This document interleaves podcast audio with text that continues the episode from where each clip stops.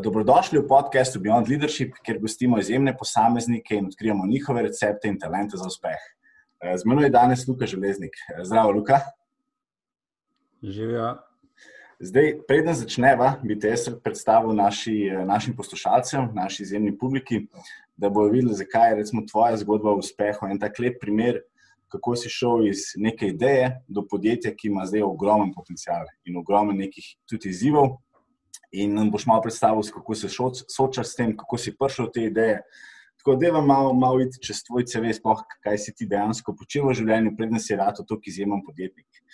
Zdaj, uh, vemo, da si, kot si mi opisal, večino svojega osnovnošolskega življenja preživel pred računalnikom, zelo rad si igral igrice. Uh, potem si pa odkril eno uh, tako zanimivo strast. Uh, zelo si postal uh, upet v poker svet in dejansko si takrat postal eden izmed uh, boljših slovenskih profesionalnih poker igralcev. Um, takrat si razvil tudi svojo platformo. Uh, potem vmes si se podal na pot uh, fashion bloga, kjer si dejansko to uh, podjetje oziroma to tvoje delo tudi uspešno prodal, tako da čestitam.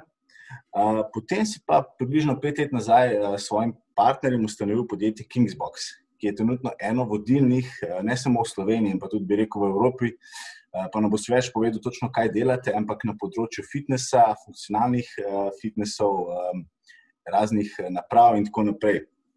Um, ti si te, takrat s svojim founderjem odločil, da boste eno leto, 16 ur delali na tem projektu in uh, probala ugotoviti, ali je to nek win, neka zgodba o uspehu, ali dejansko tako zaprete, uh, zaprete ta biznis, to idejo in greste naprej. Tako da, da nam malo povej, oziroma preden, preden se podava v, v tvojo izjemno zgodbo, nam mi povej, ker moje prvo vprašanje je zmeri, kot kar poslušalce. Če je bila mi dva sošolca v gimnaziji, a si bo že takrat tako inovativen, si rad odkrival, si rad svoje ideje razvil, kakšen si bil?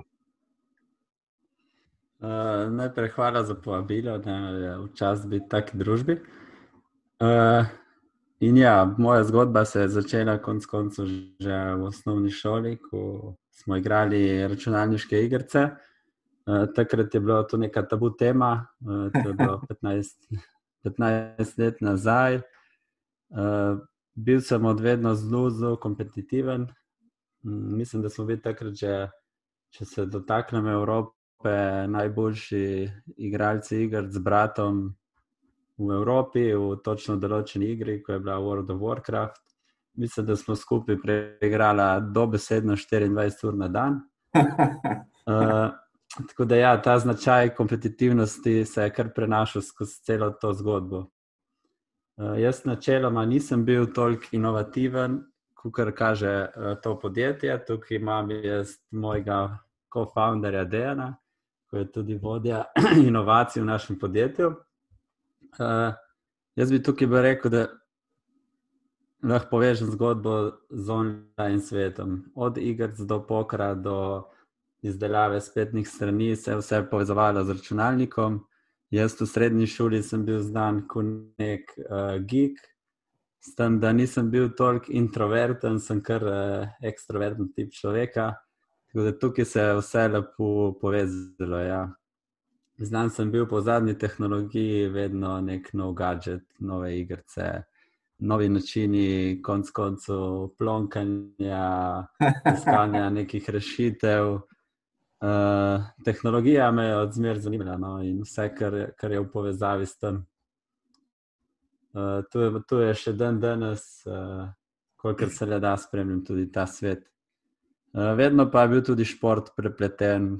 Uh, uh, nismo nikoli, naša družba, bili nešporten tip človeka in vse skupaj se je tu na koncu povezalo v to Kingsbox zgodbo. Top. Zdaj, Kingsbox, trenutno imate 25 zaposlenih, eh, pa v bistvu še 16 študentov. Lansko leto ste naredili približno 2,2 milijona prihodkov, letos boste naredili skoraj 6, kar je izjemna rast. Da nam povej, sploh, kako ste sploh eh, zdaj nam prišli do te poslovne ideje? Kako se je vse začelo?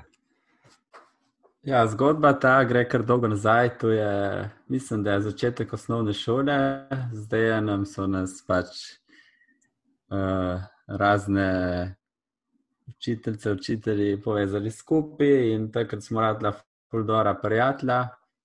Um, tu se je nadaljevalo do faksa. Mi dva smo bila tako sošolca kot Cimra deset let. Uh, že kot Cimra je dejan kar dosti inoviral razne in razne stvari. Se zmislim, eno tak fun fact je naredil, da smo pili vodo, deževnico, Eh, do tega, da smo preuredili celo študentsko sobo prvi dan. Vedno je bilo treba nekaj novega, neka stalnica je bila, kar, eh, tako čudno obdobje. No? Če en teden nismo kaj, kaj zrihtali skupaj, je bilo že, že kar problem. Uh, in ta študentska leta sta, so bila kar navadna, no? od uh, učenja do žurov, uh, do povezovanja z raznimi ljudmi. To se je nekje ja, šest let nazaj končalo in dejan je pristal nazaj v Sežani skupaj z mano, ker jaz sem zaradi pokra faks spustil že prej. In uh, tam smo res, res dosti trenirali ta šport CrossFit. Uh, njegov brat Alen je imel tudi telovadnico, eno prvih v Sloveniji uh, namenjeno tej vadbi ker smo imeli zelo, zelo dosti prostega časa, smo tudi dvakrat na dan se tam družili in ustvarili kar en fajn, lep komunity. Uh, uh, njegov brat je imel neko potrebo, to je bila potreba po teh utežeh, in na trgu je bila taka situacija, da sta bila dva ponudnika in zelo, zelo po domače draga. Uh, Dejan je vozil na lastno pest nekaj teh uteži, mislim, da je bila tona. In uh, njegov brat mu je že prej povedal, da bo vzel pol tone uh, v teži, po tem slengu se kličejo tu bumperi in olimpijske palce. Uh, druga pa dal na boho, kot privatnik, in uh, je tudi tu prodal do besedno v 24 urah. Zdaj, ker so bila zdaj nam prijatelja, on tudi mene takoj vprašal, če bi, če bi sodeloval pri tem, dal kapital. Jaz sem bil takoj za, ker podjetništvo je bilo od zmeri moja strast. In dobesedno se je tako začelo. No. Med dva smo dala prošnjo, ali kako se reče, za ustanovitev podjetja. Šla smo skozi vse te rigidne slovenske procese, eh, dobila to, to ko se reče, licenco in začela. Ker sem jaz imel že svoje stanovanje, sva si tukaj pri meni doma, mislim, da naredila pisarno veliko 6 kvadratov in skladišče je bilo 20 kvadratov. Dobesedno smo avto spahala ven, pa, pa dala te uteži notrno. Zdaj, še preden smo prišli do teh uteži, je bilo kar, kar nekaj učenja.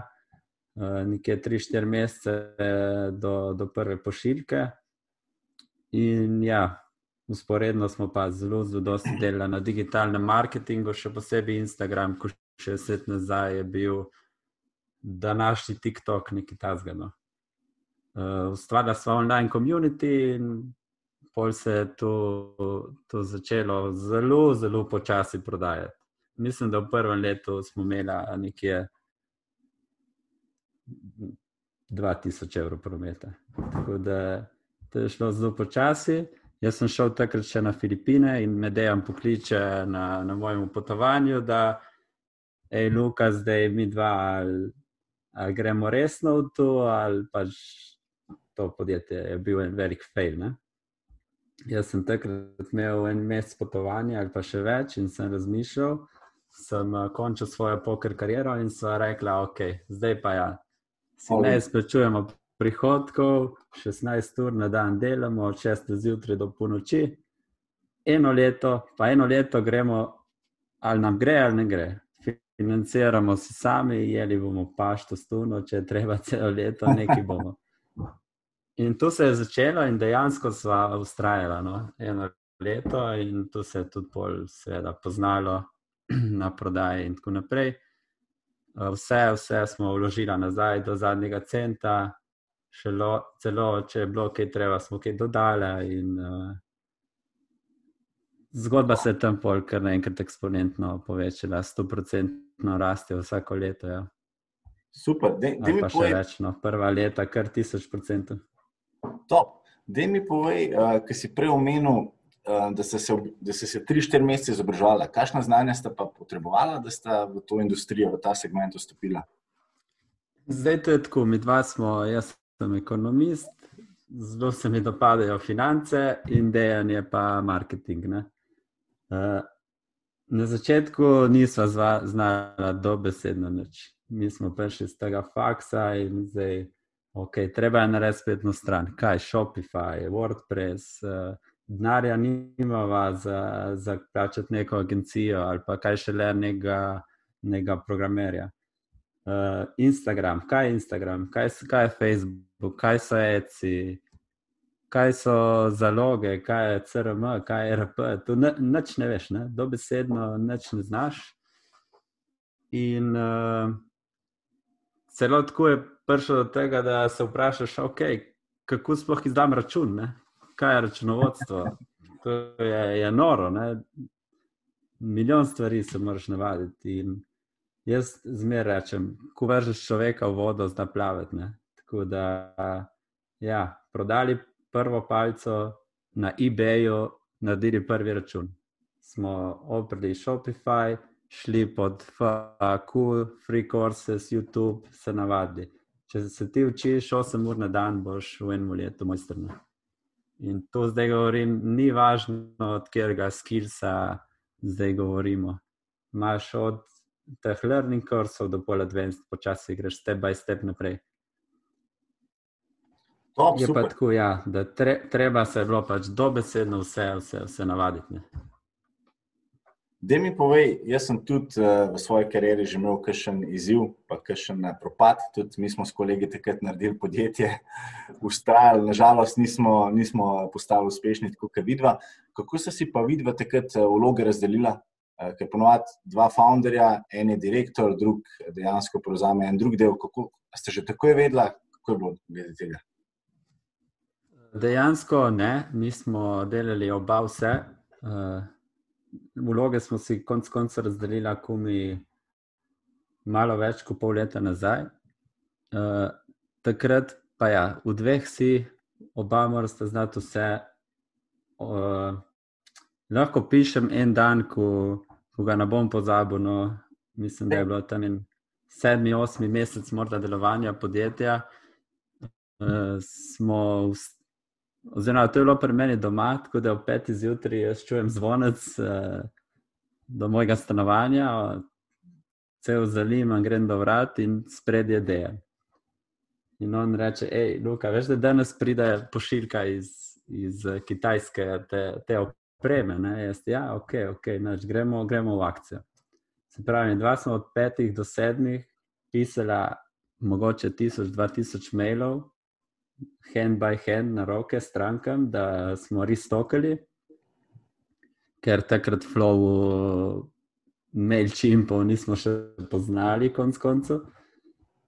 In do povdne smo sprejemali naročila, ob povdne smo šli na carino, rihtati papirje, ob povdne smo prevzeli s kombijo to robo, šla v skladišče, pregledala, od treh do petih smo delali nalepke, od petih do sedmih smo pakirali to robo za naprej, in od sedme do povdne smo tu šipali, do polnoči smo tu šipali. In, in, uh, Bi se stavljali na neke kupe za poštarje, in potem od polnoči do dveh smo še slikali nove izdelke, ko so prišli. Tako da od 5 zjutraj do 2 zjutraj sva delala, šla spat 4 ure in ob 6 zjutraj spet zvonila, da je dejan pred vrati. in ja, to, to je trajalo dobesedno eno leto, je bil tak hasel po, po domače rečeno. Zdaj, Kingsbox, kot sem že prej povedala, imate 25 zaposlenih, še 16 dodatnih študentov, ki vam pomagajo širiti posel. Um, tako da, da mi malo piš, Um, Ker smo se pogovarjali, si omenil, da tvoja četrta, oziroma vajna četrta zaposlena je bila v bistvu HR-ovka, kar je ponovadi za podjetje, ki se še malo, mogoče ne tipično. Tako da, kaj ti takrat, kaj ste takrat razmišljali? Uh, ja, mi, kar že vsem tudi na razgovorih povemo, mi smo zahtevni, uh, dela pri nas se dosti, ker mi dva delava dosti, tako da noben ne bo delal več kot mi dva. zelo, zelo težko, oziroma še čakamo koga, ki bo. No? Ma, ja, uh, ljudje so, so težava. Uh, mislim, da vsi podjetniki imamo probleme z ljudmi. In če ne dobimo ekipe, ki jih zaupamo že od začetka, smo obsojeni nekako na propad. Uh, tukaj je tudi zelo zanimiva zgodba, ko sem se prej dotaknil tega komunitija, ko ga je brat od Dejana ustvaril v svoji telovadnici. Uh, zanimivo je bilo, da tudi ta čarovka in ostali prvi tri, štiri zaposleni oziroma kasneje še tri, štiri, so se pridružili našemu podjetju prav iz tega komunitija. No. Uh, to je bilo kar fajn in mislim, da je bila ena boljših odločitev, ki smo jo, ki smo jo sprejeli na začetku. S tem, da ja, zdaj vsi, ko me vprašajo, ja, sam, kako pa to, da kako pa se ona ne more iskati kadra, zdaj 8 ur na dan. Uh, seveda, mi smo ji dali tudi pol uh, customer support vlogo in razne, razne druge vloge, da je dofinila ta čas. Pol pa ja, je zaupala toliko uh, ta oseba podjetju, da, da je ostala z nami in zdaj je 100-odstotno HR-ovka mislim, da bo tudi kar nekaj nagrad za svoje delo pobrala letos na raznih tekmovanjih, če lahko rečemo. pa to spet zaupanje te osebe v nas, našo zgodbo in tako naprej. No. Tako da, ja, fajn.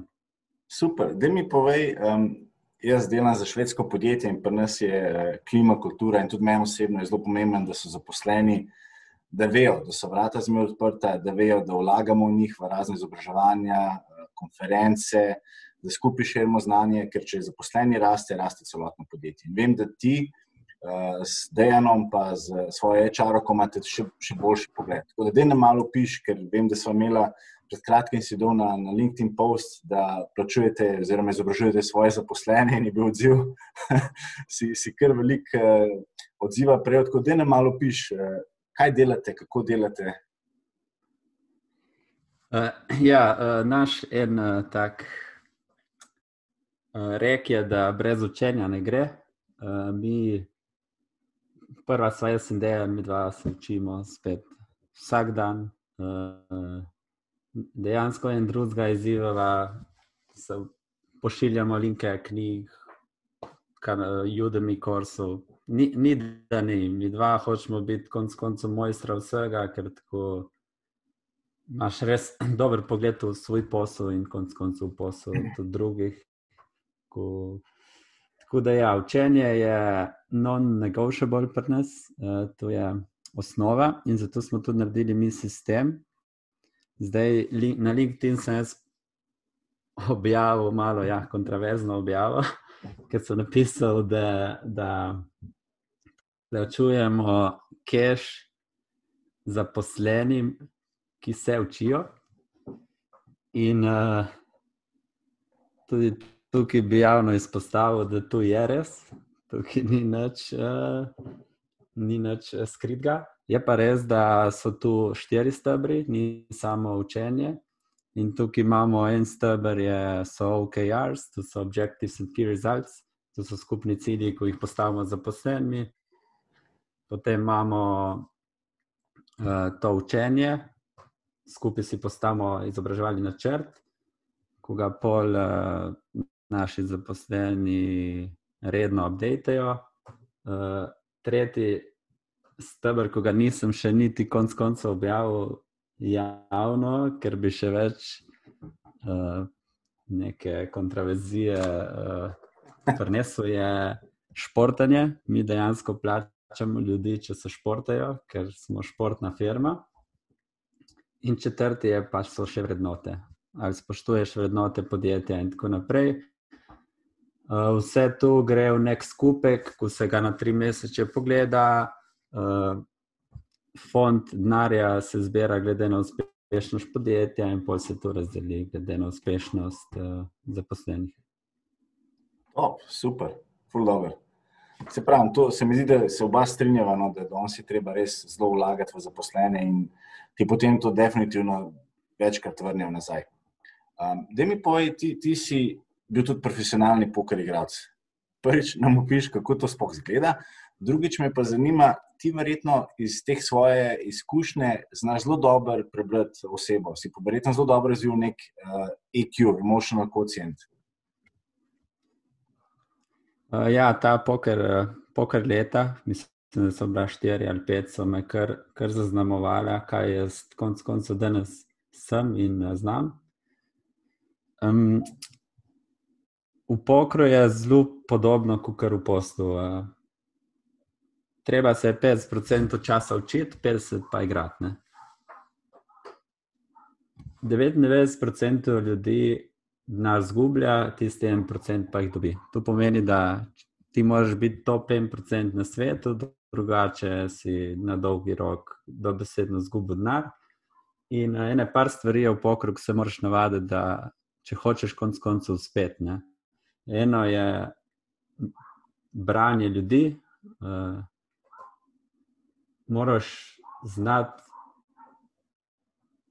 prebrati, kdaj so ljudje srečni, ali pa kdaj so ljudje jezni, ali pa žalostni. To so tri osnove, ko, ko ti na dolgi rok prinašajo dobiček. To se da narediti z raznimi tehnikami, eh, od izrazov do višine glasu, do barve kože in tako naprej. Eh, to se vse da naučiti.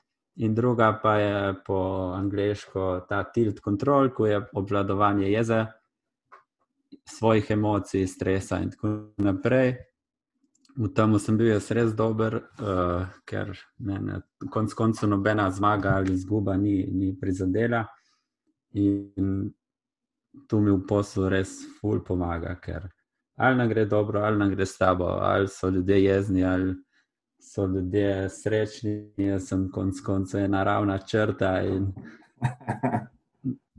probam, uh, probam ja, te emocije, ker se da izravnati.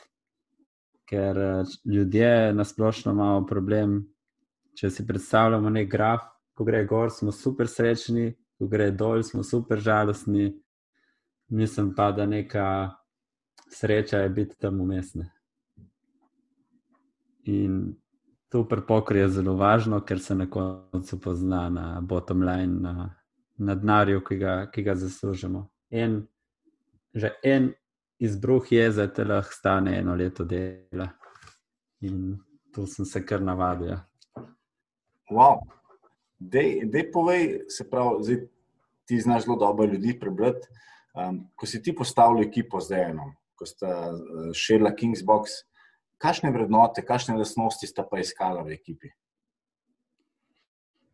Uh, zdaj, to, ko, ko postavljaš konec koncev prvo ekipo, spet ne znaš, uh, ne znaš konec koncev, kaj rabiš. To je prvi problem. Ne znaš oceniti ljudi, kako bi ti lahko dolgoročno pomagali, ker kar zdaj zbiramo, je ful drugače, kot smo prej. Uh, razlika je v tem, da prej smo iskali znanje. Uh, če iščemo za italijanski trg, iščemo enega, ki zna italijansko. To je to, to je edini pogoj. Če zna italijansko, se lahko pridruži ekipi. Zdaj pa iščemo dobesedno, sam glede na njegove vrednote, ko jo ima ta oseba, ker osebo se res vse da navaditi konc koncev se ga da tudi jezika navaditi, če on hoče. Tako da, ja, na začetku smo iskali skilse, ok, znaš risati uh, strukture, si ok. Dan danes pa tu ni več dovolj in dobesedno iščemo ljudi, ki jih to delo veseli in ne bi zamenjali konc koncev za skoraj nič na svetu. Uh, bi pa se tle dotaknil še tega, ja.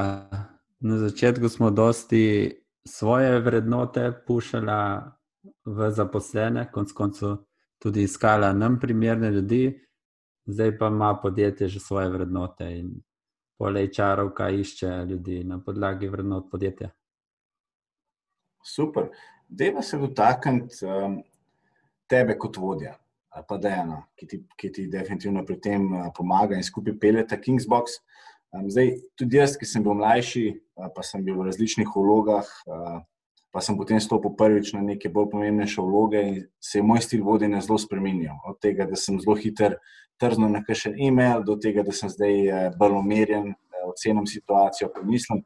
Kako bi rekel, da se pa tvoj stil vodenja spremenil tekom tvoje kariere? Od tega, da, vem, da si imel manjši ekipo, do tega zdaj, ki ste že precej veliki, boste še rastel, imate zelo velik potencial, greste na tuje trge, imaš zelo globalno ekipo. Uh, vodenje na začetku je bilo, ja, uh, mi rečemo na krasu z glavo skozi zid. To pomeni, da Ok, imaš problem, gremo akcija, se usedem zraven tebe, ti pomagam, bomo, bomo šli skupaj skozi to. Če ti ne zmoreš, bom jaz. Uh, jaz delam več kot ti, mi, magar do treh zjutraj, vse bomo rešili. Ne? To je tisti začetni start-up mod, ko ga tudi konc koncev priporočam vsem, ko so ekipa do pet ljudi. Pol pa to tudi če mi je tisti stil vodenja zelo všeč, ker bolj povezane ekipe, kot takrat, od skoraj konc, koncu ne moreš imeti, takrat si že skoraj družina, bolj kot neka ekipa. Uh, sam, ko se to poveča, je to neudržno, še zmeraj imamo nek, uh, neko energijsko baterijo, mi v naših telesih, ko, ko enkrat zmanjka. Ne? Tako da, ja, pol pa smo se zdaj nam kar nekako odloča vsak za svoj stil vodenja. Uh, njegov je ostal zelo, um, ko opisati tako, uh, nimam prave besede, sam je pa kar podoben unmu začetnemu, se pravi, manjša ekipa in zelo, zelo trdo delo. Tukaj se tudi pozna, da ekipe, ko jih ima on, tu so strojniki in marketing, so še zmeraj daleč, predvsem ekipami v našem podjetju, ker se lahko res posveti vsakmu posamezniku, da, da, so, da so najboljša verzija sebe, kar, kar upajo. In en rek se mi ful njegov dopade, ko ga zmeraj poudari. Če mi hočemo biti najboljši na svetu, ko je zdaj tudi naš nov cilj, mora biti vsak zaposlen pri nas najboljši na svetu v svojem področju. Drugače, nimamo šanse. Ne? In tu se tudi v njegovih dveh ekipah zelo, zelo pozna. Uh, eno leto nazaj, kolikorkoli, smo se pa ja odločili, da jaz grem na mesto direktorja, kar pomeni, da moram imeti nek bigger picture in uh, vodim besedno vodje, ko, ko imajo vsak svoj stil. No. Zdaj, moj stil vodenja je zelo Mm, dolgoročen, jaz pravim biti na koncu koncu človek, sem pa totalno nedopusten za napake. Če jaz grem bolj na emocije in tudi vidim, ali ljudje imajo res željo nekaj narediti sebe ali ne. ne. Ker če se ti trudiš, so napake dovoljene, če pa so z malo marnosti, pa žal, žal ne bo šlo. In tudi To se pokaže ja, skozi transparentnostjo, pogovori. Sej, mislim, da oni, ko poslušajo podcast, vejo vse moderne tehnike, ko se zdaj, ko se zdaj izvajajo. Večina temeljijo na neki transparentnosti, hitrih feedbackov in uh, dobesedno ne skrivanju raznih podatkov vsem, vsem zaposlenim vodjem pa še bolj. No. Je pa tukaj ja, eh, ta problem, da hitro rastajoča podjetje ima izzive, ko niso samo vodstvene in je treba vse to skupaj nekako. Nekako zapaketirati in voditi naprej, kolikor se da v tistem času, najmanjšem, ko ga imamo. Da, nam malo povej, se pravi. Dejan je prvi odgovoren za razvoj, za marketing, ti skrbi za celotno podjetje, za biznis. Um, v vašem poslu je inovacija tudi zelo pomembna in vi ste definitivno zdaj naredili zelo velik preskok. uh, ste šli zelo v, v razvoj, pa inoviranje, imate ogromen, oziroma pripravljate tudi lastne produkte. Kot da nam prvo opiš, kaj dejansko Kingsbox je. Um, pa kako ste se zdaj odločili, da naredite še ta korak, da greste v svoje produkte? Koliko časa traja, da razviješ en produkt? Okay, Kingsbox je štartov, ko prodaja športne opreme za crossfit, weightlifting in uh, powerlifting. Uh, na začetku smo bili dobesedno kupi prodaj in šlo nam je dobro. Sam smo rekli, da ja, ne, ne moremo hitro rasti, če bomo prodajali stvari od drugih.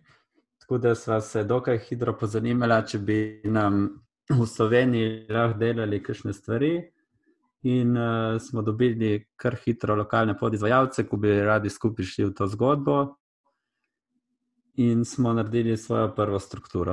Uh, struktura je naprava iz železa, konc koncev, za, ker lahko odložimo palco in delamo vzgibe.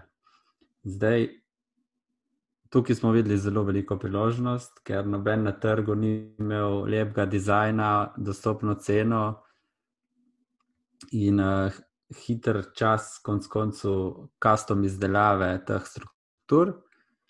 Uh, in smo se odločili, da poleg prodaje naredimo še razvojni oddelek, to je bil en strojnik in dejan. Tako da, ker dejan je največji kreativc, ki ga poznam, je dokaj hitro imel neko listo 600 izdelkov, ki jih moramo kar naenkrat mi narediti.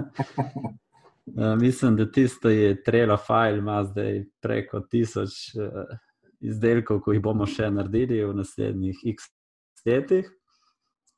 In Kingsbox v bistvu prodaja od takrat železne, lesene, plastične in gumirane izdelke, ki niso, nimajo elektronskih naprav. Ne. To je zelo pomembno in tega se še držimo.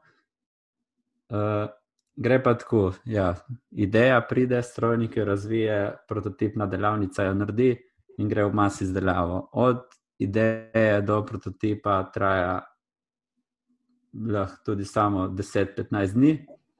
Se pravi, mi imamo tri strojnike po 10 dni in lahko naredimo tudi do 9 novih izdelkov vsak mesec. Wow. To, ja, to vsi rečejo, ja, dosti jih reče, wow, in dejansko nam uspe. Uh, že kar nekaj let nam uspe narediti teh devet izdelkov, kdaj je tudi pet, šest, če je kakšen večji. In trenutno imamo čez 330 izdelkov v ponudbi. So pa vsi te izdelki res dobro premišljeni, zdizajnirani, celo nagrade naši strojniki dobivajo v Sloveniji za dizajn. Tako da ni samo neki na hitro, recimo, narejeno. Uh, pol tu gre v masovno proizvodnjo in se prodaja na trgu. S tem, da zadaj je ena ogromna, ogromna checklista, mislim, da je čez tu bullet point, ko moramo narediti, da, da tu, tu gre, gre v prodajo. Ne. Je pa tu tako, ja, en well-oiled machine enih ljudi, ki naredi vsak svoj majhen delček, da gre, gre na spletno stran. Super, deva, deva se še malo dotakniti. Eh, prej sem že nam opisal en eh, zelo izjemen dan, ki ste takrat, recimo, z Dejanom skoraj vsak dan preživljala, da sta delala po vsaj 16 ur, če ne več. Eh, kako pa danes v vlogi direktorja? Kakšna je tvoja dnevna rutina? Kdaj začneš dan, kako se ga organiziraš? A se ti že v nedeljo pripraviš kakšne cilje, tako kot si jih recimo jaz? Malo nam opiš tvojo dnevno rutino. Ja, tukaj se kar kregam z mojimi prijatelji in uh, znanci in uh, vsemi bodočimi podjetniki, ko me vprašajo za nasvete. Ker eno vprašanje, ko dobim, je, ma, kaj ti še vedno delaš 16 ur na dan. in ponavadi moj odgovor je, ja, ne, ne, ne delam 16, delam pa 12. in To je tako. Uh, jaz ne neham razmišljati o poslu, o planiranju. Jaz, recimo, če vzamem najlepše, mi je povedati včerajšnji dan. Ker dnevi mi letijo tako hitro, da, da kaj sem delal in te nazaj, konc koncev ne vem več, pa niti ne zanima me več toliko. Tako da ja, jaz stanem vsak dan ob 5:26, imam 3 sekund rul, se pravi, štejem do 3. Če do 3 ne vstanem, ne bom stal več, tako da ostanem perena. Uh, grem v kopalnico, se umijem zobe, vnaprej imam pripravljene obleke, se oblečem, spijem kozarc vode in grem v pisarno. To vse skupaj traja nekaj slabih 15 minut. V pisarno grem ponovadi peš, ker imam 5 minut, spravi sem 10 do 6 ali pa ob 6 v pisarni. Dejan je vsak dan tam, niti enkrat nisem prišel, da ga naj bi bilo, ker on pride ob 5:30. Noč ne jem, spijem eno kratko kavo, ker uh, fastam, se pravi, jem samo v razmaku 8 ur. In imam nekaj kratek sestanek z dejanjem, nekaj pol ure, ko je pisarna še prazna. Takrat gremo čez vse največje probleme, ki imamo nek trenutno čep v flaški, se reče, ne, ki je tisti največji problem podjetju, kako ga bomo rešili. Tu gremo zelo na hitro čez uh, in pol se lotem od 6 do recimo 8 naredim največ. Ne? Se pravi, odprem mail, se pogovarjam s ključnimi strankami. In recimo včeraj sem potem šel v skladišče, smo pogledali novo proizvodnjo linijo, ko jo delamo. Šla smo z enim od skladiščnikom čez nov biznis, ko smo ga naredili, zdaj največji, verjetno v zgodovini podjetja kar naenkrat smo mogli za 50% povečati uh, logistični center. Šel sem na sestanek z vodjo skladišča, z vodjo proizvodnje, uh, potem sem šel na en Zoom, je, potem je bila že malca in ja, par sestankov za Amazon, za. Uh, konc koncev z Dejanom, z, spet za marketing, eh, sestanek za poseljen, ko smo mu pogodbo podaljšali. Sklep sem mogel narediti za celo podjetje, da bodo vsi tri tedne zdaj delali po dve naduri. In tako naprej. No. Uh, en kup podpisovanja dokumentov, potem je ura že štiri, od štiri do šeste sem bil spet na mailih, uh, se pogovarjal s ključnimi strankami, in potem sem šel domov in sem bil z otrokom, pol pa spat. Ja. Zelo vsak dan. In vsak dan je približno isti, sami izzivi so drugačni. In ja, eno leto, dve, tri, štiri, pet, izzivi so zmer težji, in časa je vedno manj. To je pa res. Jaz bi rekel, da vsaj pri meni, verjetno pri tebi, tudi bi lahko imel dan 30 ur, ne samo 24. Ja. Eh, povej, uh, ker še ena za, za te vse učence, konc koncev, ko tu poslušajo, ne? Uh, rast na začetku 100% je zelo enostavna. Iz 3 greš na 6, iz 10 paketov greš na 20. Kader je rast po petih letih iz 2 milijona na 6, je to tak problem, ko se ga nikoli nisi mogel predstavljati, da ga boš rešil. Sam, če si problem, recimo, zdaj smo šli v izgradnjo hale, upamo, da bo čez eno leto zgrajena. Jaz nikoli nisem gradil hale. Sam, če si ta problem razdelim na tisoč majhnih taskov, je to rata kar naenkrat en task za drugim, in noben task ni nek velik problem. Ne? in verjetno upam, hala bo čez eno leto konc koncev zgrajena. Ne? Top, čestitam. Um, da mi povej, ki so se pogovarjali, si, si omenil, eh, da glede AB testiranja pri tebi je samo A varianta. Tako da mi malo piš tvoja logika, ki mi je res blazno fascinantna. Uh, ja, to. Uh, kot sem rekel, jaz za, za Enkrat si me tudi ti vprašal, oziroma sem prišel na to debato. Pa sem jaz rekel, da ja, verjetno jaz za kakšen investitor nisem toliko tolik primeren, ker mi dva zdaj eno smo kar taka norca. Ne? Mi že pet let vlagamo 100% vse v podjetje in se ne bojimo fejlat. Uh, in sem se z drugim podjetnikom menil in me vprašal, ja, kako pa vi to AB testirate? Ne? Jaz sem mu kar nek direkt, ja, pač mi nimamo plan B. mi testiramo, ja, ok, kako to deluje. Zdaj je full popularno influencerje, zdaj vsi influencerji, influencerji, Jim Shark, uh, milijardo, 300, 600 milijonov vrednosti, zakaj? Zaradi influencerjev. Ok, marketing, hitro switch, gremo na influencerje. Kaj zdaj bomo testirali? Ne, budžet 100 tisoč evrov, probe eno leto, čez eno leto se usedemo, vidimo, kaj je, gre, ne gre. To je AB testiranje. Ne? Mora biti plan A. Če imamo plan B, bomo zmeraj igrali safe, ne bomo se zelo strudili. Plan B bomo, bomo, bomo naredili, če bo treba.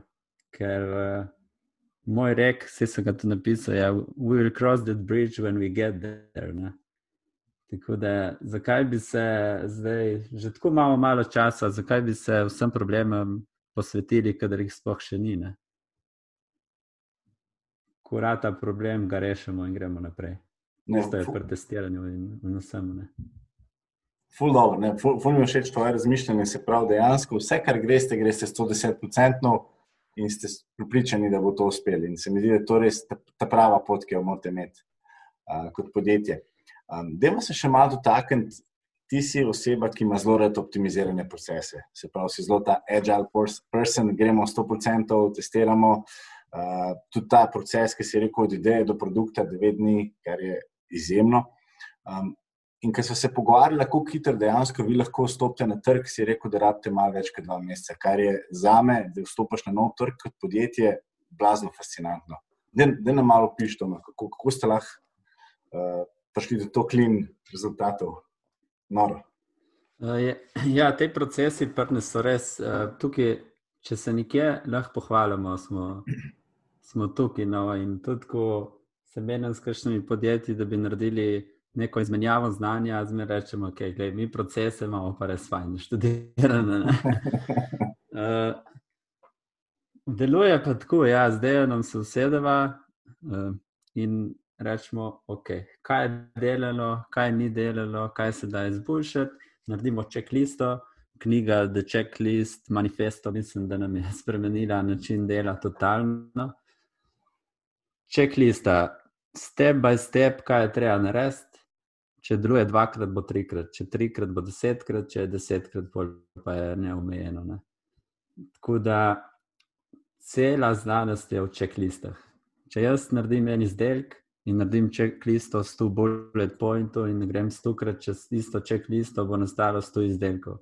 Če jaz grem v trg Italijo, naredim checklisto, kako je to šlo, probam še en trg in z isto checklisto gre skozi, bomo šli na tretji, četrti, peti. Poje sem še vprašanje denarja in resursov, koliko hitro ti lahko na trg stopiš. Ne? Tako da ja, tukaj checkliste so cel point vse zadeve. Zdaj, kako narediti čeklisto, so pa izkušnje, um, to AB testiranje, konc koncev. In, uh, in ja, denar, denar, ne? denar je na koncu zelo pomemben, koliko hitro se vse to razvija. Top. Uh, Da mi povej, kaj bo za vaju zdaj, ali pa za te posebej ta američani temu pravijo, da je aha moment, ki ste pa rekli, da je pa, je pa posel, tukaj se pa res da veliko narediti, se da revolucionirati to industrijo, se da uh, poplaviti trg z novimi idejami. Kdaj bo, kdaj bo ta trenutek za vaju ali pa za te? Uh, mislim, da za oba je bil res tisti, aha, ok, to je to. Ko smo takrat, šest let nazaj, na Bovhi prodali v 24 urah tistih 500 kg teži. Ne? Takrat je bil že tisti, aha, ne, trh, trh tu rabi. Ne? Je bilo pa pol čez pet let kar nekaj teh aha momentov, morda kar ene sto. Ker vsaka ta čeklista, ko sem omenil, je svoj zelo velik aha moment. Ne? Ker, ok, mi gremo v Italijo, smo naredili čeklisto, smo naredili flow, kako gremo. Aha, mi lahko stopimo na deset trgov. ok, mi lahko naredimo izdelek v desetih dneh, smo jih naredili že 20, aha, pol jih lahko naredimo 100. Ne? Tako da, ja, dobesedno vsak dan, včeraj je bil aha moment, smo novo proizvodnjo linijo uh, naredili, smo pohitrili proces pakiranja za, vem, vredno 400%. In tukaj je bilo spet, aha, to je rešitev. Ne? Tako da, ja, v bistvu zato mislim, da tako jaz, kot da živimo, konc koncev, te aha momenti so nekaj najlepšega, kar lahko v podjetništvu doživiš. Ker, ker to je aha za me, za moje podjetje. Ne? Tukaj bojo spremembe, ko mi čakam, da vidim čez pol leta, kaj bo iz tega. Ne? Top, full dobro. Mm, ja, te aha momente moramo konc koncev mi full, uh, full loviti, chaseti. To, to je tisto. Proslaviti. Že... Ja, small wins. Ne? Ja, ja, ja. top. Um, Deva se še malo dotakniti. Um, napake je definitivno treba delati, ker iz napak se največ naučiš. In če bi šel ti še enkrat po tej poti, ker imate zdaj res blazno rast, ogromen, uh, delate. Eh, zanimanje, popraševanje je ogromno. A bi kaj spremenil na podlagi izkušenj, ki jih imaš?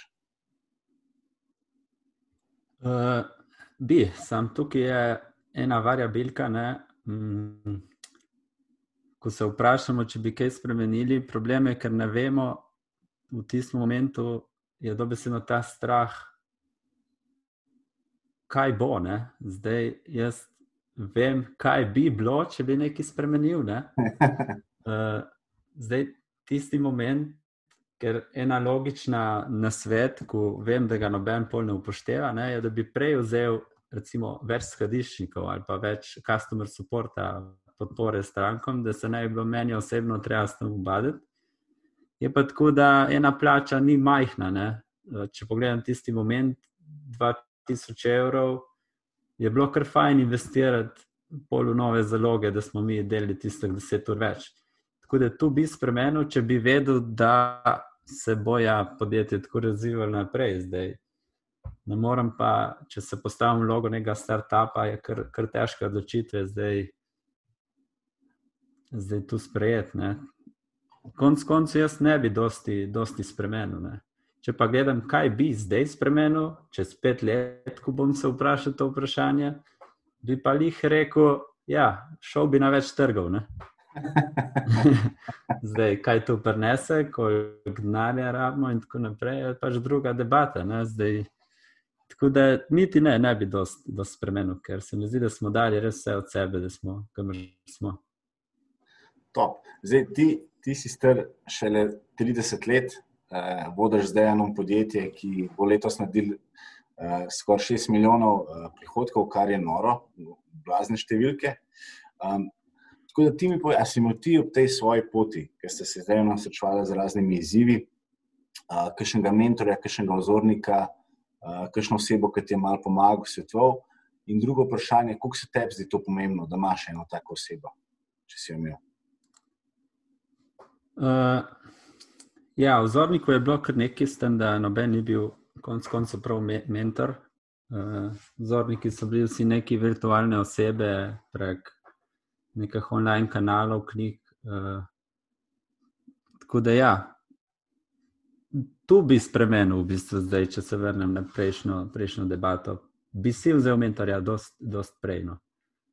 Še posebej, kadar je raste res hitro. No. Trenutno vidim potrebo, da rabim mentorja, tudi ga aktivno konc koncu iščem. Uh, je pa tako, mentori zdaj dobri, če jih hočemo plačati, so zelo dragi. Če vidijo vizijo v tebi, je super. Sem zdaj neka dva fanta iz Sežane. Podele sta 16 ur na dan, težko si dobiti ta mentorja, nima sta niti časa ga iskati. Ja, se mi zdi ful pomembno, ena najbolj pomembnih stvari.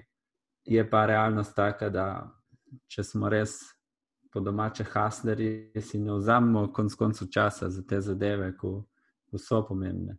Jaz sem imel mentorje za poker, za stres, za ta tilt kontrol in je res dosti pomagalo. No? Tako da ja, je čas, da se tudi mi zdaj dobimo aktivno nekega mentorja. Uh, Imamo pa možnosti, YouTube, knjige, Udemy, lahko si dobimo tako mentorje. Tako da, ja, se mi zdi učenje na splošno, mentorstvo, nekaj najbolj pomembnega, oziroma brez tega, dobesedno ne moremo nikamor priti. Da mi povej to, kar si zdaj omenil, da si imel mentore za stres, pa za tilt control. Kako pa to zgleda? Uh, ja, kar zanimivo. Ker, uh,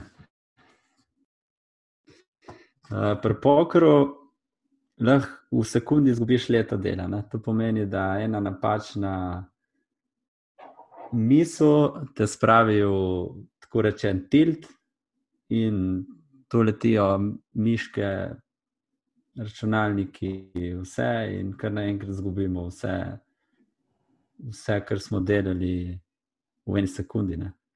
Uh, tu pol deluje tako, da koč te spravi v neke stresne situacije, kamor moraš ti, predvsem z nekimi dihalnimi vajami in z nekimi pauzami, to, to, to konc koncev prebiti ta, ta stres. Ne.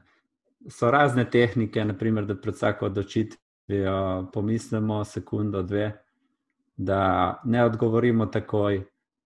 Teh tehnik je malo, morja se, ma, malo se pogubila, pa se vidi.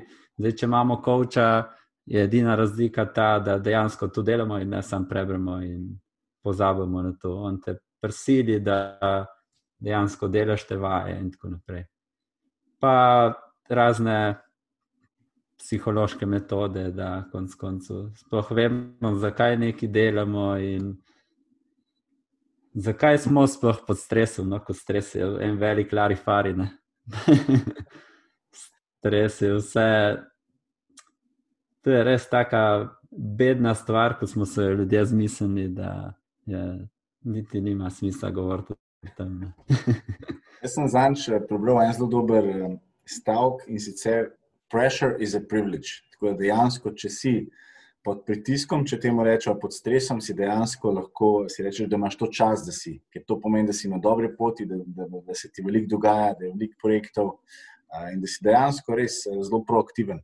In tako da jaz se strinjam s tabo, se mi zdi, da to so um, samo dobri znaki, če kdaj padeš pod kakšen manjši stres in ne treba iti sam naprej. Uh, ja, včeraj sem se jih pogovarjal z eno mojo zaposleno uh, in je rekla, oj, koliko dela imamo mi zdaj.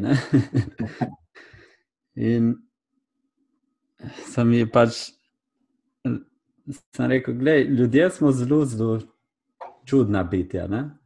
Mi smo pod stresom, ko ni dela, in smo pod stresom, ko je full dela.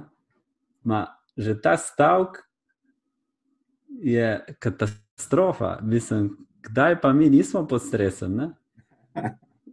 Je grozno, ker ljudje smo vedno pod stresom. Zmagamo loto, smo pod stresom, nimamo za jesti, smo pod stresom. Uh, imamo pet novih zaposlenih, smo pod stresom, ne gre prodaja, smo pod stresom, gre vse v redu, moglo biti boljše. Nikoli nismo zadovoljni, konc koncev. Kar, kar je fajn, da nismo zadovoljni, samo moramo tudi vsak dan uh, vzeti tako, kot je. In, ali je zmaga ali poraz, se nekaj navaditi in iti naprej. Ne. To, to je res. Zdaj, kaj, ja, edino, edino pač ja, stres je fajn, super na stvari, ko lahko na njih vplivamo. Zdaj, če jaz več treniram, da bom najboljši basketaš na svetu, moram več trenirati. Ne morem spraviti stres, da moram več trenirati, ker pol bom. Ne. Zdaj se sekirati, če bo komet padel na, na, na zemljo, ali pa da bo korona pobila pol človeštva, kaj češ. Če bo bo.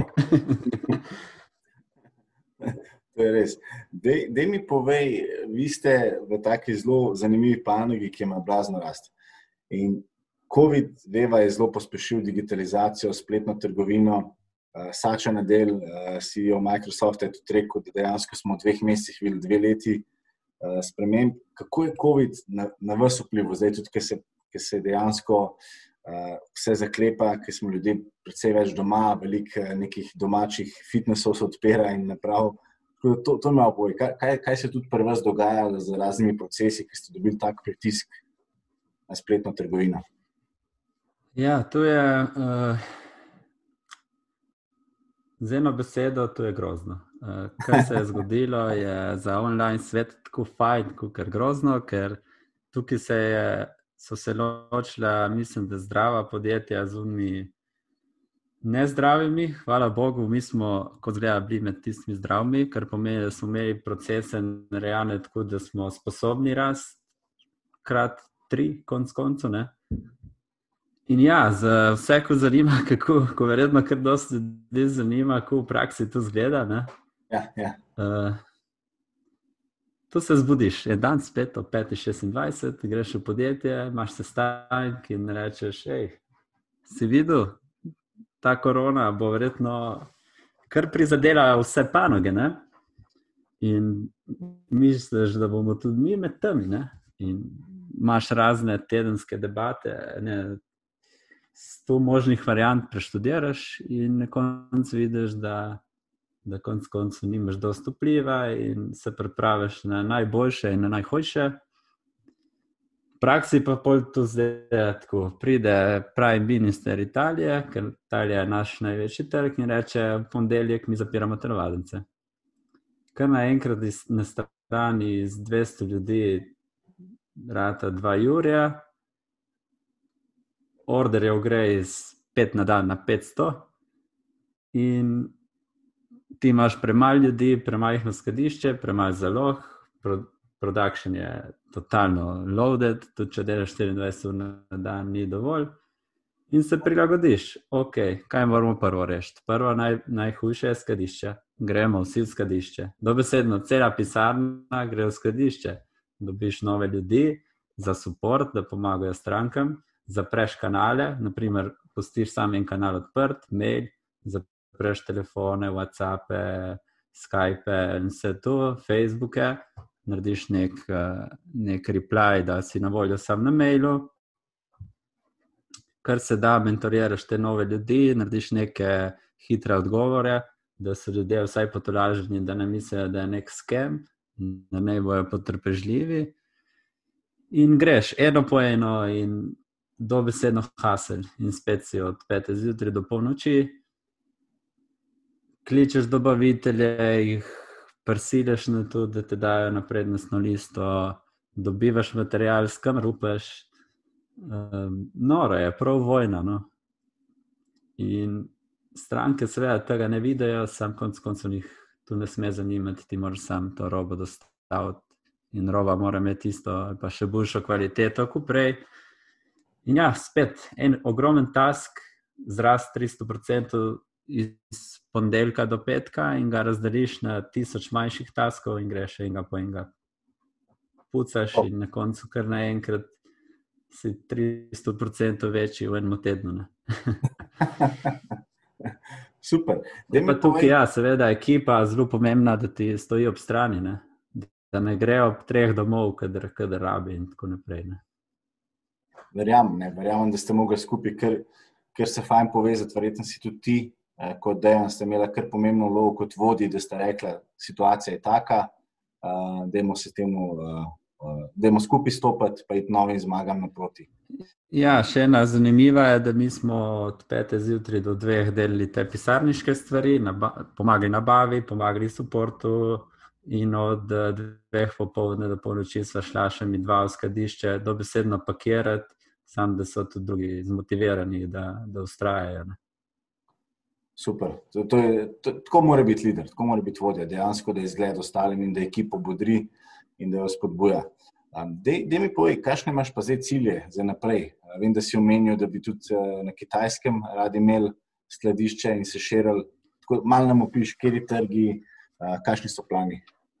Uh, ja, mi delamo v Evropi, vedno več, upamo, da je 80% izdelkov do konca leta.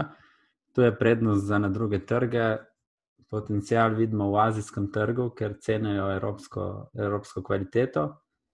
Uh, je pa cilj, uh, verjetno, dobiti kakšnega tudi manjšega investitorja, lik za s tem namenom, da bi radili uh, svetoven brand, ker do lani novembra smo imeli en cilj, se pravi, biti največji v Evropi.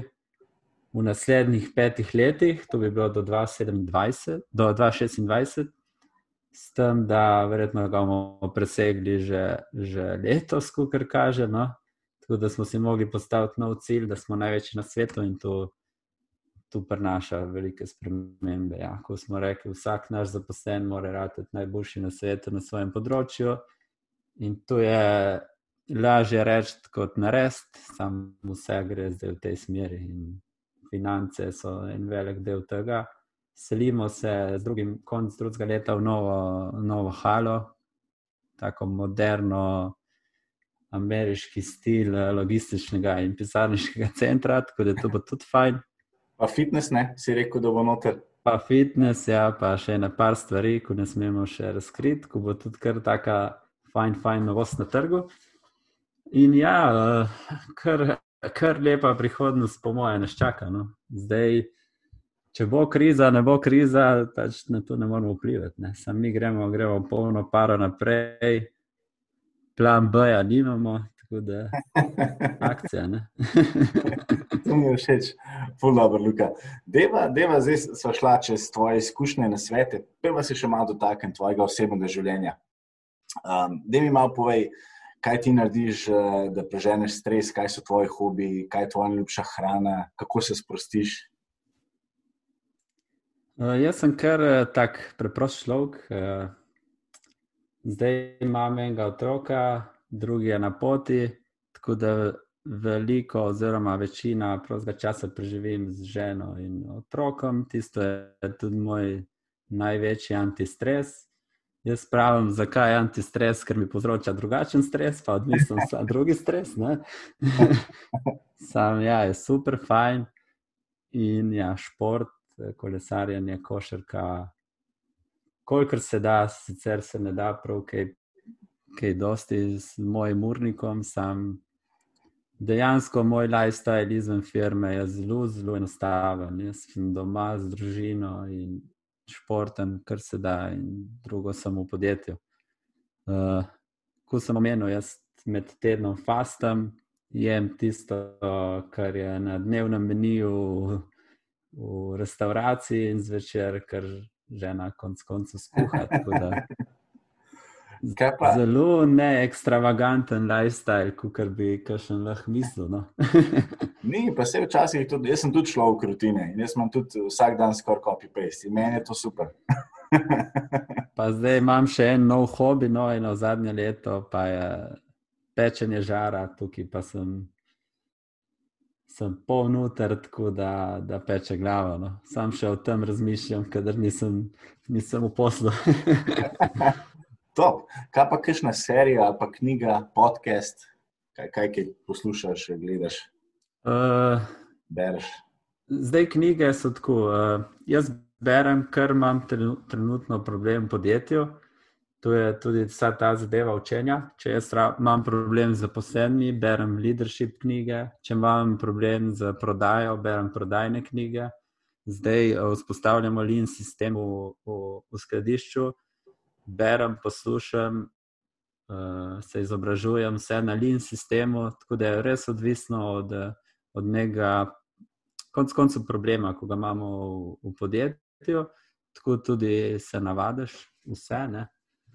Uh, serija, pa bolj dokumentarci na Netflixu. No? Uh, od raznih alternativnih drog do, do nekih politikov in raznih znanih oseb, ki so naredili marsikaj.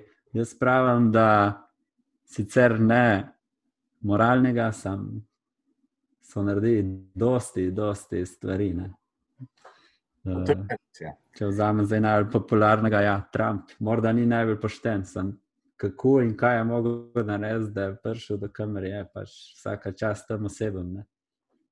Sam pot, ko pač cilj in vrednote imajo pač slabe, ne samo da to ne moramo vplivati. zdaj, um, ko so se pogovarjali, si rekel, da je tvoja ljubša aplikacija pa Google Analytics. Tako da to mi ima povedati. Sem mislil, da boš rekel, da je ja. Instagram, pa ne vem, kaj danes govorijo. Recimo, meni je zelo popularen, mi je všeč LinkedIn ali pa za podcaste. uh, v bistvu, kar, kar uh, ko sem mi postavil to vprašanje, sem kar razmišljal. No, ker jaz sem uh, skinil si uh, odstranil po slovensko vse Facebooke, Instagrame.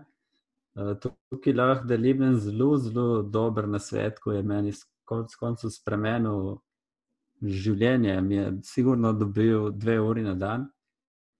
In recept je enostaven. Jaz sem odfollow vse ljudi na vseh socialnih omrežjih. Uh, ta nasvet je res, ko meni bil milijon dolarjev vreden. Jaz sem odfollow vse ljudi. In recimo, da zdaj imam problem v prodaji. Ne? Jaz grem na Instagramu, LinkedInu in Facebooku, followam samo top 30 ljudi od prodaje na svetu. In Zdaj, neizogibno je, da bomo mi na socialnih omrežjih. Vse smo gledali, da so social dilema. Pač ja, ja. Zdaj, ko prej nas bojo povlekli nazaj. Ne? In zdaj, jaz sem si cel moj mobile sistem naredil tako, da me povleče nazaj v točno tisto, kar jaz rabim. Ne? Tako da, če jaz čem produktiviti izboljšati, vse ljudi spet odfollowam, tistih prejšnjih 30, dodam top 30 productivity people uh, in the world in me bombardira sam z nasveti vem, od produktivnosti. Wow, wow. Mislim, da to temo, to temo obdelam, oziroma se mi zdi, da pač je kul. Cool, Zdaj sem si dal na Instagram vse lean leaderje na svetu in to me bombardira. In ok, zapravim dve uri na dan, nekako neposredno na Instagramu, tudi če se ne zavedam, imam mi pa bombardira tisto, kar rabim. Tako da, tako da, ja, ta na svet je full fajn. Ja. Zelo dober na svet, hvala. Zdaj, Luka. Um, Zdaj, sam se... še, če se dotaknem tega Google Analyticsa. Ja, ja, uh, ja, tu pa je zato, ker Google Analytics ti pove, kako tvoja firma deluje. Ja. In jaz pogledam Google Analytics 30 krat na dan in jaz vem vse, do zadnjega centa našega podjetja, kam gre denar, kam, kako se denar ustvarja, kaj razmišljajo, kaj razmišljajo naše stranke, iz kje prihajajo ni da ni. No. Da, ja, zato sem zbral pol analitikse. Ful dobro na svet tudi za socialne medije. Hvala. Vem, da bo kar, kar nekaj našim poslušalcem verjetno to uh, olajšal uh, ali pa izboljšal način učenja. Um, da mi povej, da greva še na zadnje vprašanje. In sicer na, na, na Beyond Leadership imamo ogromno mladih poslušalcev, imamo tudi ogromno izkušenih direktorjev, tudi predsednikov prav. Um, ampak definitivno se vsi skozi učimo. Um, tako da mi povej, kaj bi bili tvoji trije na sveti, ki bi jih delil našim poslušalcem. Ja, ena je, da res uh, smo konstantni z učenjem. Uh, ta na svet je največ, največ eh, vreden in dolgoročno ta compound efekt je. Se ne da opisati, no, konc koncev, koliko, koliko se da nekaj naučiti ja, kaj pride z tega ven, ne, od nekih odnosov do denarja in tako naprej. Tako da, ja, moj nasvet je deset strani knjige na dan, vsak dan. Deset, ni treba več. To je pri meni 15 minut. Če to naredimo, smo tako in za, za nas, za osebni razvoj, za firmo ali karkoli delamo kariero. Tako da, ja, ta nasvet je logičen in in se povezuje tudi z drugim, da bom, ne bom, moramo biti konstantni. Ne. Ta konstanta, uh, to je recept, mislim, da naš. Mi pet let delamo 12 ur na dan, mi ne delamo en dan šest, en dan osem, mi delamo vsak dan 12 ur na dan in smo zelo konstantni. Mm, vsak dan je treba deliverati. In če rečemo, Le, delamo pet dni v tednu, 12 ur, dva dni smo prosti, bodimo prosti, una dva dni, ima unah pet, pa delamo. In ne, ne odstopamo od naših vrednot, ker če bomo odstopili en teden, bo ratla dva, tri, pet, deset. Ne. Se vemo, kako to gre s športenjem, s hrano, z, z vsem. Tako da ja, konstantnost je, je drugi. In tretji pa ne bo Jaz pravim, ostalo ljudje, ne? konc koncev zdaj, kri online, vsi smo online, eh, noben se več ne vidi, sem. Bodimo ljudje, ne, ne, ne smemo konc koncev nehati delati dobro. Ne? Tako za zaposlene, kot za družine, do, do konc koncev, ko nam sledijo, delimo dobre na svete in ne, ne se bat pomagati. Ne? Tako da to je to. Super. Luka, jaz bi se ti še enkrat zahvalil za, za tvoje izjemne nasvete, poglede, pa da si nam dejansko predstavil, kako je od ideje do, projek do projekta, do podjetja, ki dejansko delate in revolucionirate fitness industrijo. Tako da jaz ti še enkrat čestitam, pa želim še veliko uspeha in uh, najlepša hvala, ker si bil z nami. Ja, hvala tebi, enako. Ne.